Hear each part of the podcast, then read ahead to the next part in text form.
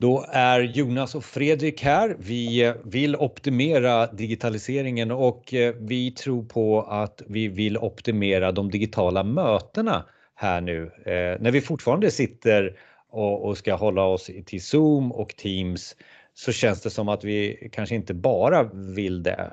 Vad vill vi då?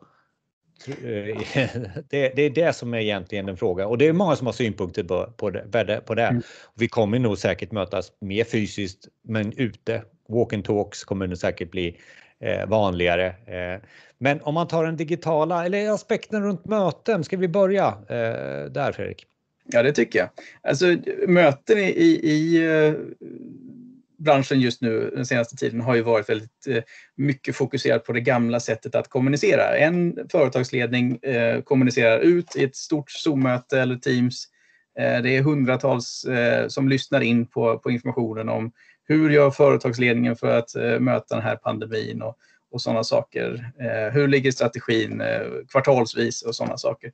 Eh, jag tror att det kommer brytas ner till mycket mindre möten, färre deltagare där man fokuserar på mindre områden men eh, mer värdefokuserat kring okej, okay, vår uppgift. Hur ska vi lösa vår uppgift nu? Ehm, det är inte så nytt och fräscht och coolt längre med att ah, vi kan träffas via Teams istället eller Zoom. Eh, det, är, det, är, inte det som får en wow-effekt längre. Ehm, eh, utan vi måste på något vis fundera på okay, hur kan vi sköta vårt arbete? Och det vill också optimera arbetsrutiner säkert runt omkring ja. hur man jobbar digitalt på, på, på, på, bästa sätt. Men kan också det vara så att mötet i sig börjar innan mötet? Och vad jag menar med det är alltså att eh, eh mötet är oftast någonting som sitter där i kalendern vid ett speciellt tillfälle. Nu med de digitala verktygen kan du ju fylla på mötet innan det börjar med eh, material eh, utifrån eh, vad ska vi, ska vi diskutera det här eller ska vi diskutera det här? Vilket dokument eh, är det vi ska diskutera? Eh, vad är det för beslutspunkter? Eh, nej, vi kan ta bort de här beslutspunkterna beroende på vilken typ av möte det är. Och sen är mötet och då kanske det är bara pang, pang, pang möte. Mm. Och sen så fortsätter man också digitalt efteråt och, och, och liksom fyller på mötet för att sen få skapa det här värdet av vad vi nu, var, var, varför vi hade ett möte överhuvudtaget. Absolut, jag tror att mötet i sig kommer att vara en hävstång en hävstång för att vi har tappat flow. Vi, har, vi kommer ingen vart. Jag, jag har kört fast. Jag behöver hjälp att bryta loss mina tankemönster för att komma vidare och, och faktiskt ta ett beslut och gå vidare här. Eh, så att eh, mötet kommer vara en del av ett flöde i ditt arbetsflöde eh, där du känner att nej, nu måste jag eh, komma vidare. Vi måste accelerera den här processen på något vis. Eh, då behöver vi prata om det så att mina tankemodeller hamnar i, i synk med dina Eh, och att vi kan få en samsyn och så gå vidare eh, utefter det här. Och då måste man väl säga det att för mig som är lite djupare i de här verktygen så finns det här stödet redan. Man har mm. redan mm. tänkt på det här från Microsofts sida när det gäller Microsoft Teams till exempel.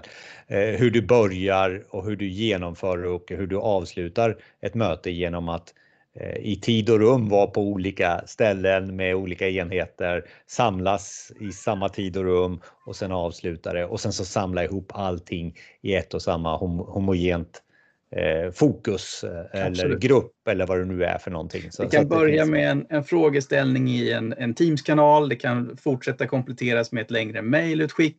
Eh, och sen visar det sig att det är någon chatt mellan två personer som flera är intresserade av. Eh, och så blir det ett möte och sen så blir det någon typ av minutes of meetings som man sen distribuerar ut. Det blir liksom en, en, eh, en, en butterfly-effekt eller någon typ av, av flöde, eh, digitalt flöde där mötet är en del av, av, av samtalet. Vad tror du om att det här eh, som gör ont nu för många det som har kopierat det analoga i mötet återigen, det här med whiteboard och post-it. Vad, vad är läget där, din spaning? Jag tror att det, det kommer eh, vi kommer se många fler möjliga lösningar nu av, av digitala whiteboards. Eh, du har varit inne och tittat på, på olika typer av VR-lösningar eh, där man kan visualisera och, och eh, ha som du sa, berätta om mer om, om PowerPoints fast virtuellt och gå och peka på dem och, och diskutera. Hur, berätta mer. Ja, eh, alltså det är ju det enkla egentligen, alltså den här överblicken eh, idag när man visar PowerPoint eller PDF eller något, det är ju ofta här, sida, eh, här är slide 1 och sen är slide 2 och så slide 3. Eh, på i en virtuell miljö när jag testade den eh, så, så handlar det om att då kan man få en hel vägg full med bilder, powerpoint-bilder om du så vill. Eller det som den som håller föredraget runt omkring de här bestämmer, kan det vara tre, fyra stycken. Eh, så man kan vila ögonen på flera olika eh, powerpoint-bilder samtidigt för att få sitt sammanhang och då på det sättet ta in information kanske snabbare också. Men det där kräver ju sin färdighet att kunna kommunicera och presentera material också. Men det var mm. intressant i det här VR-upplevelsen som för övrigt kändes bara egentligen som, ja men det här känner jag igen från spel. Ja. så att eh, insteget var, var, var, ganska enkelt. Men, men eh, man ska väl inte tänka så utan tänk på det där med överblicken. Det, det, mm. det landade jag väldigt mycket i, i, i tankarna. Så det är väl ett annat steg att ta i det digitala mötet. Absolut. Det har ju alltid varit, funnits en tanke med varför man ska skriva ut handouts Eh, till folk, för då får de en överblick över vad är det för information som vi faktiskt har förmedlat här och sen kan man börja prata om olika typer av delar av presentationen.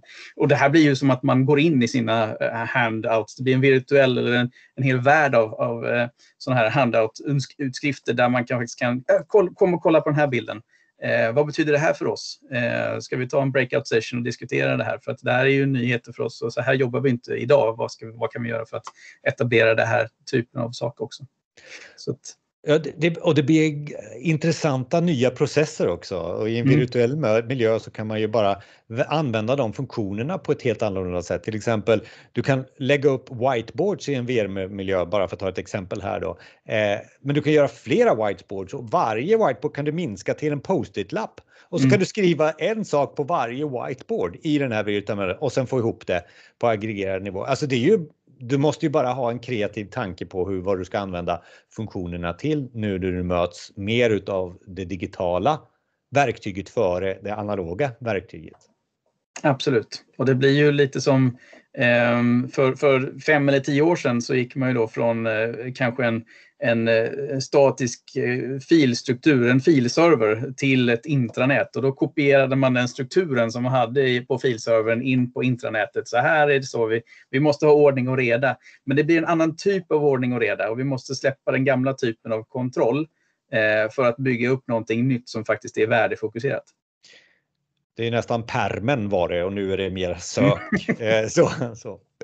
Den här spaningen eh, hoppas jag att det gav dig värde. Fredrik och jag stämmer av vad som vi ser och vad vi, vad vi hör eh, ryktesmässigt komma nära oss och nära våra kunder när vi jobbar som konsulter i, i samma organisation Society. Och jag vill också, också tipsa om Eh, podden Effekten där vi går igenom det här med eh, VR då i avsnitt 137.